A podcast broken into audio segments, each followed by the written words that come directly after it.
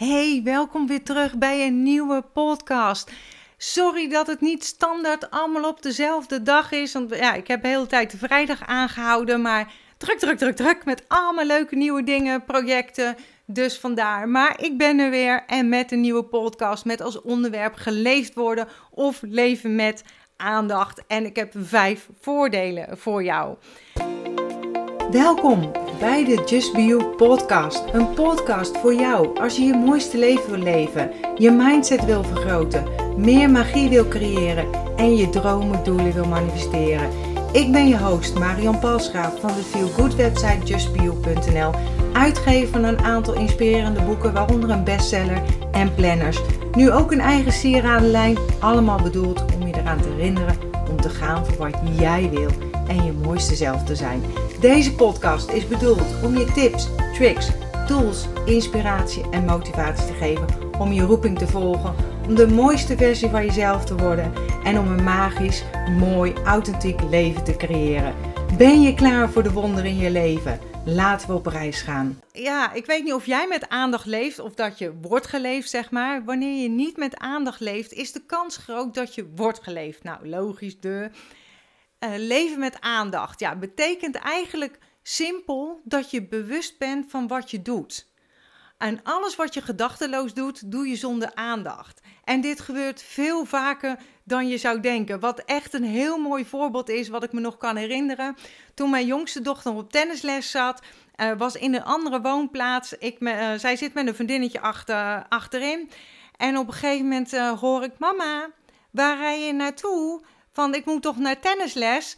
Maar het is dezelfde weg naar mijn vriendin toe, die in een andere woonplaats woonde. Dus ik was gewoon die weg aan het, aan het afrijden. Gewoon gedachteloos, automatisch op die weg. En het is dat het stemmetje op de achterbank van mijn jongste dochter mij weer terughaalde.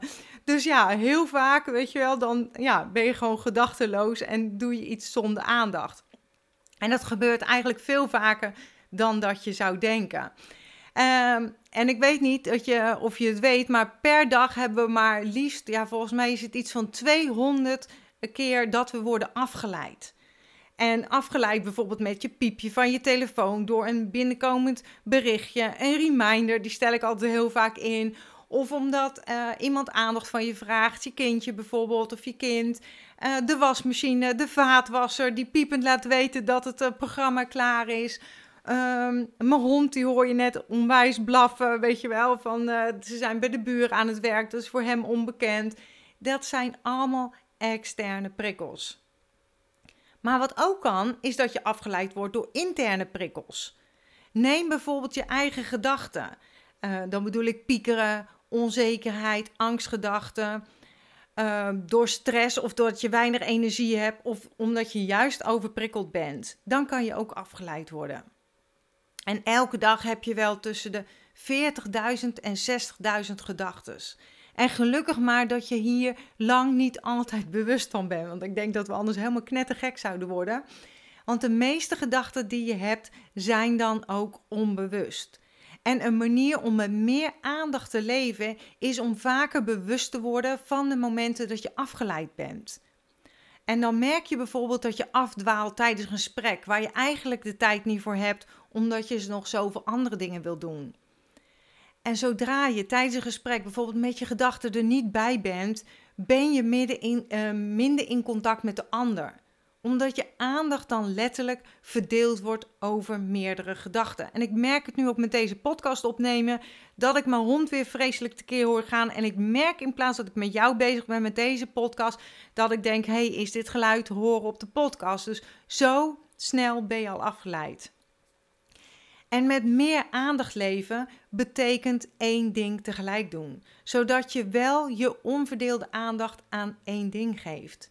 Nou, dat is natuurlijk het welbekende hier en nu zijn. En dit verdiept het contact en daardoor ook de relatie. Een relatie met wie je maar wil. Hè? Dat kan met je collega's zijn, maar ook met uh, uh, je man, uh, vriend, vriendin, noem maar op. Hè? Want hoe vaak zitten we niet op ons telefoon en dergelijke. Terwijl, ja, ik vind koffie drinken als man lief thuis komt om ja, half vijf, vijf uur. Drinken we altijd een bakje koffie. En vroeger pakte die of de krant erbij of de iPad of weet ik dan. Nou, dat vond ik zo vervelend. Ik ben zo blij dat hij thuis is en dat we gewoon aandacht hebben. Nou, weet je wel, gewoon bespreekbaar maken. En nu is het eerste bakje koffie gewoon lekker samen. Even over hebben hoe de tijd is gegaan. En dan gaan we weer verder. En wanneer je een taak met meer aandacht doet, maakt het je creatiever en werk je ook efficiënter.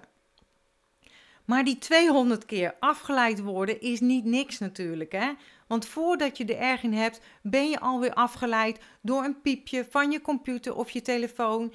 En als jij een hooggevoelig persoon bent, zoals ik, een HSP'er, is het belangrijk om de interne en externe prikkels zoveel mogelijk tot een minimum te beperken. En dat heeft ermee te maken dat de prikkels bij een HSP'er gewoon intensiever binnenkomt en langer duurt voordat je je weer kunt focussen. En ik wil geen stempel drukken op HSP'ers, helemaal niet. Ik zeg altijd dat we alleen met een extra pakketje gevoelsprieten geboren zijn. Dus ook extra afgeleid zijn. De voordelen van leven met aandacht, die wil ik even voor jou op een rij zetten. En dat is nummer 1. Het maakt je happy. Leven met aandacht maakt happy, maakt gelukkig. En dat blijkt uit een onderzoek uit, uh, van de Harvard University. En met aandacht leven is eigenlijk leven in flow.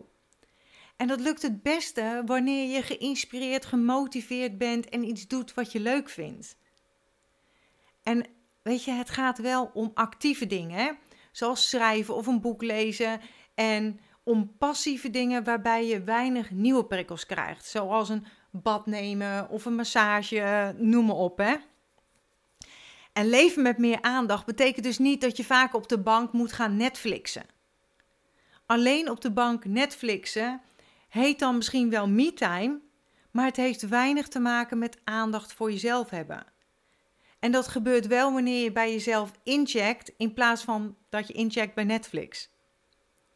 En tuurlijk kan het even heerlijk ontspannend zijn en je gedachten op niks hebben, hè? maar check altijd bij jezelf waarom je iets doet. Want hoe meer je je bewust wordt van hoe jij je voelt en welke gedachten je hebt, hoe bewuster je gedrag kunt sturen en ook weer de uitkomst en je emoties. Dat heeft allemaal gevolgen, want je gedachte zorgt voor een emotie en je emotie zorgt weer voor een bepaalde actie. Stel je daarom eens de volgende vragen en journal bijvoorbeeld daar eens over. Ga er eens over schrijven. Van wat denk ik? Heb ik vooral positieve of negatieve gedachten? Wat voel ik? Hoe voelt mijn lichaam? Zit er ergens spanning? Zit er ergens pijn? Of wat doe ik? Geeft het energie of kost het energie? Geeft het energie en inspiratie of, of niet? En dat heeft mij zo ontzettend geholpen om alleen maar te bedenken of iets energie, of ik ergens energie van krijg of dat het me energie kost. En hoe kan ik het dan, uh, zeg maar, uh, beperken dat het me energie kost? Want het moet wel in balans zijn. En het liefst niet in balans, maar liefst de balans doorslaan dat ik gewoon veel meer energie krijg dan dat het me kost.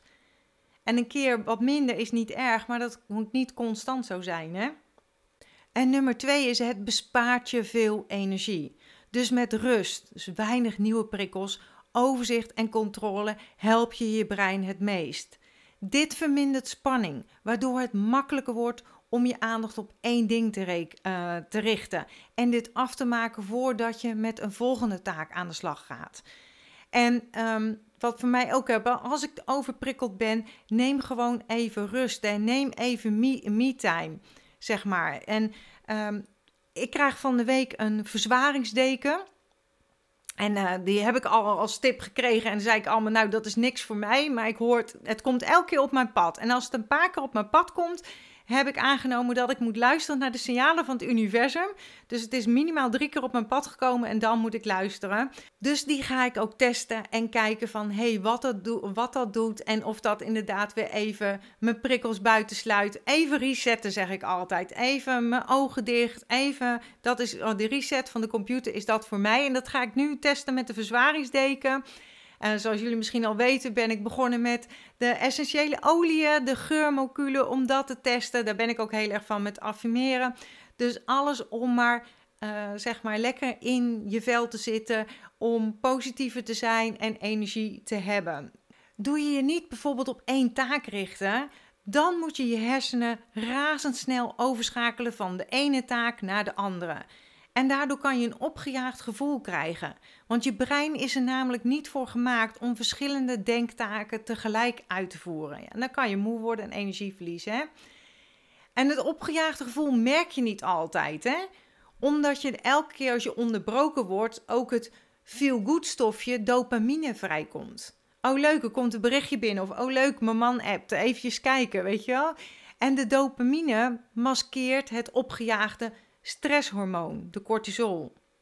En je merkt dit pas als je na een dag waarin je van hop naar her gaat en dus geleefd wordt door allerlei prikkels, dus je laat sturen extern, dat je uitgeteld op de bank neerploft en nergens meer zin in hebt. En dat is ook wat ik eigenlijk net vertelde met bewust worden. Ik ga altijd als ik merk dat het uh, te veel wordt, als ik te veel doe, dat ik even die reset doe. En kijk even bij jou wat voor jou werkt.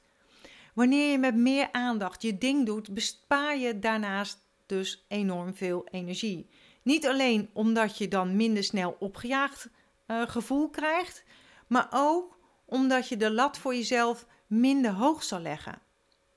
Want je verwacht immers niet van jezelf dat je tien dingen tegelijk doet de hele dag. Dus perfectionisten onder ons, dit is dan speciaal ook voor jou, hè?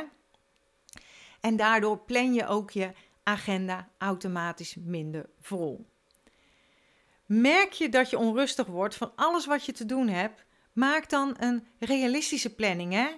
Ik heb bijvoorbeeld in mijn eigen planner, de Just View Planner, uh, zie je aan de rechterkant notities staan. Dat zijn allemaal, daar zet ik gewoon allemaal taken in die ik zou willen doen of ideeën die ik krijg.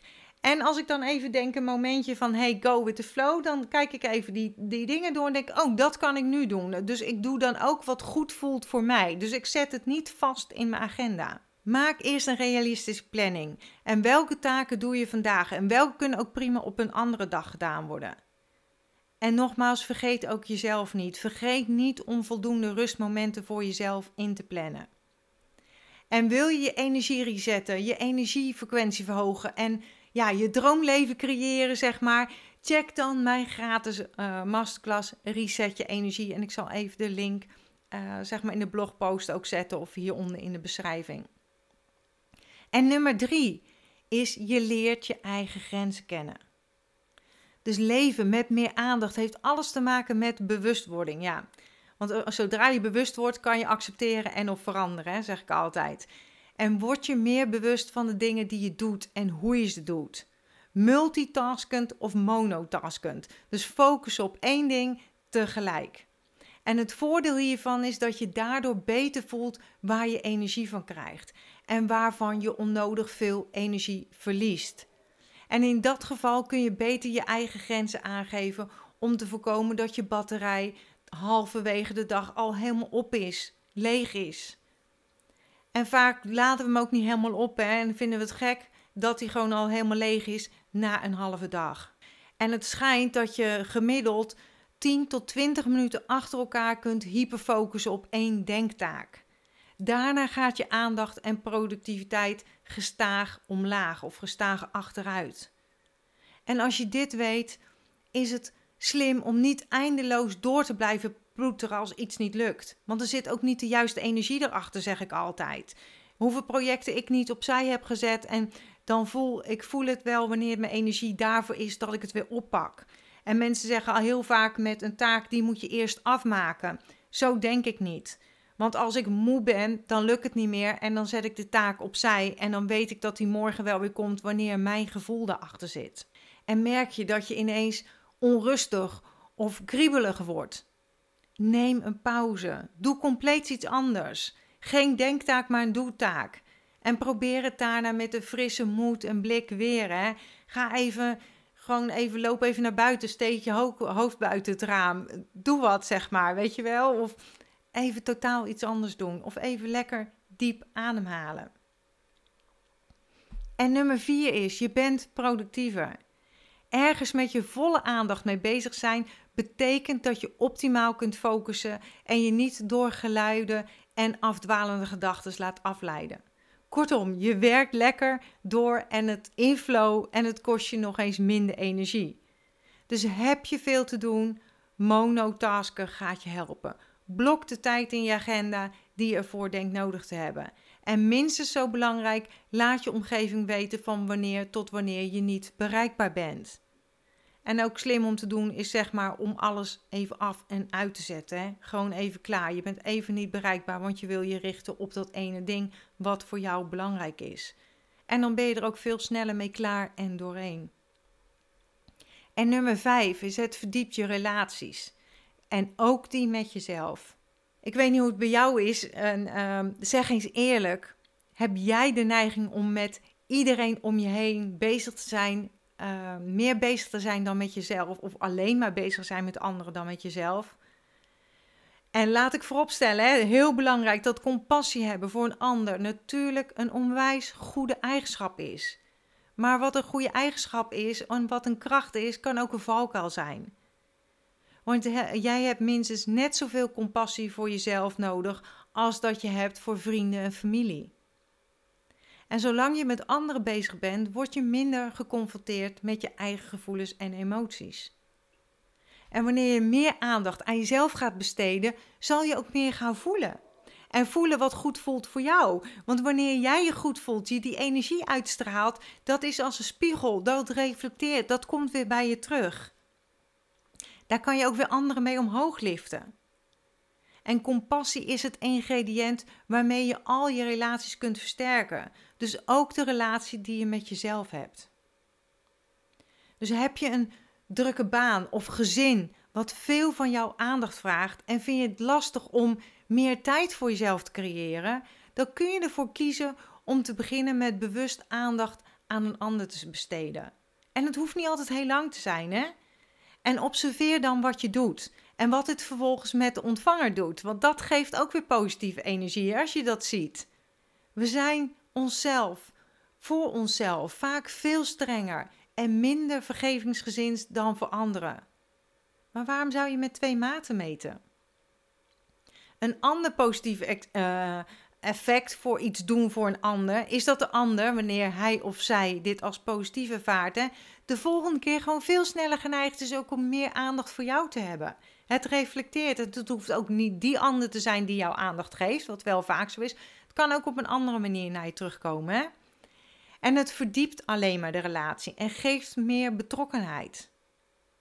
En let op, hè, ontvang dit gebaar dan met open armen. Dan wordt het ook makkelijker om meer aandacht aan jezelf te geven. En tot slot, voordat ik deze podcast af ga sluiten. Met meer aandacht leven lukt de ene dag natuurlijk beter als de andere dag. En er is geen goed of fout. Het is alleen maar zaadje planten voor bewustwording. Verlang dus ook niet voor jezelf dat je het meteen 100% goed gaat doen, want dat gaat gewoon niet. En wat is 100% goed doen? Laten we het daar eens over hebben. Streef ernaar om op weekbasis bijvoorbeeld in ieder geval één keer vaker tijd en aandacht voor jezelf te hebben. En bouw het dan op. Want als het goed gaat, kun je het vaker doen, zodat je het op een gegeven moment zelfs elk dagdeel een paar minuten lukt. Dat is de liefde voor jezelf, dat is zelf je aandacht gunnen. En dat doe ik ook en dat geeft mij zo ontzettend veel energie en daarmee kan ik er weer zijn voor anderen. En dat straal ik ook uit. En die momenten zijn voor mij een must. Het is nu stralend mooi weer. Dus ik denk dat ik zo meteen gewoon lekker een half uurtje in het zonnetje pakt. En dan kan ik er ook weer veel meer zijn. En kan ik veel meer dingen beetpakken. Heb ik ook veel meer energie. In plaats van ik denk ik heb er geen tijd voor. Want juist als je denkt dat je er geen tijd voor hebt, dan moet je er tijd voor maken. Nou, waarschijnlijk hoor je mijn hond nu wel, want hij gaat helemaal uit zijn stekker. Maar wat je ook kan doen, is eventueel een affirmatie gebruiken hè, om jezelf eraan te herinneren en kracht bij te zetten om meer met aandacht voor jezelf te leven. En een affirmatie kan zijn: elke minuut die ik met aandacht aan mezelf besteed, is het 100% waard. Ik zal dit ook nog even in een afbeelding maken, zodat je deze waarschijnlijk kan downloaden als je daarmee resoneert en als herinnering kan instellen of wat dan ook. Hè? Nou, dat was het weer voor de podcast van vandaag. Accepteer dat wat er is. Laat los wat is geweest. Geniet, geniet, geniet. Zo ontzettend belangrijk. En heb vertrouwen in wat kan zijn. En nou, tot volgende week maar weer bij een nieuwe podcast. Doei doei en denk om jezelf.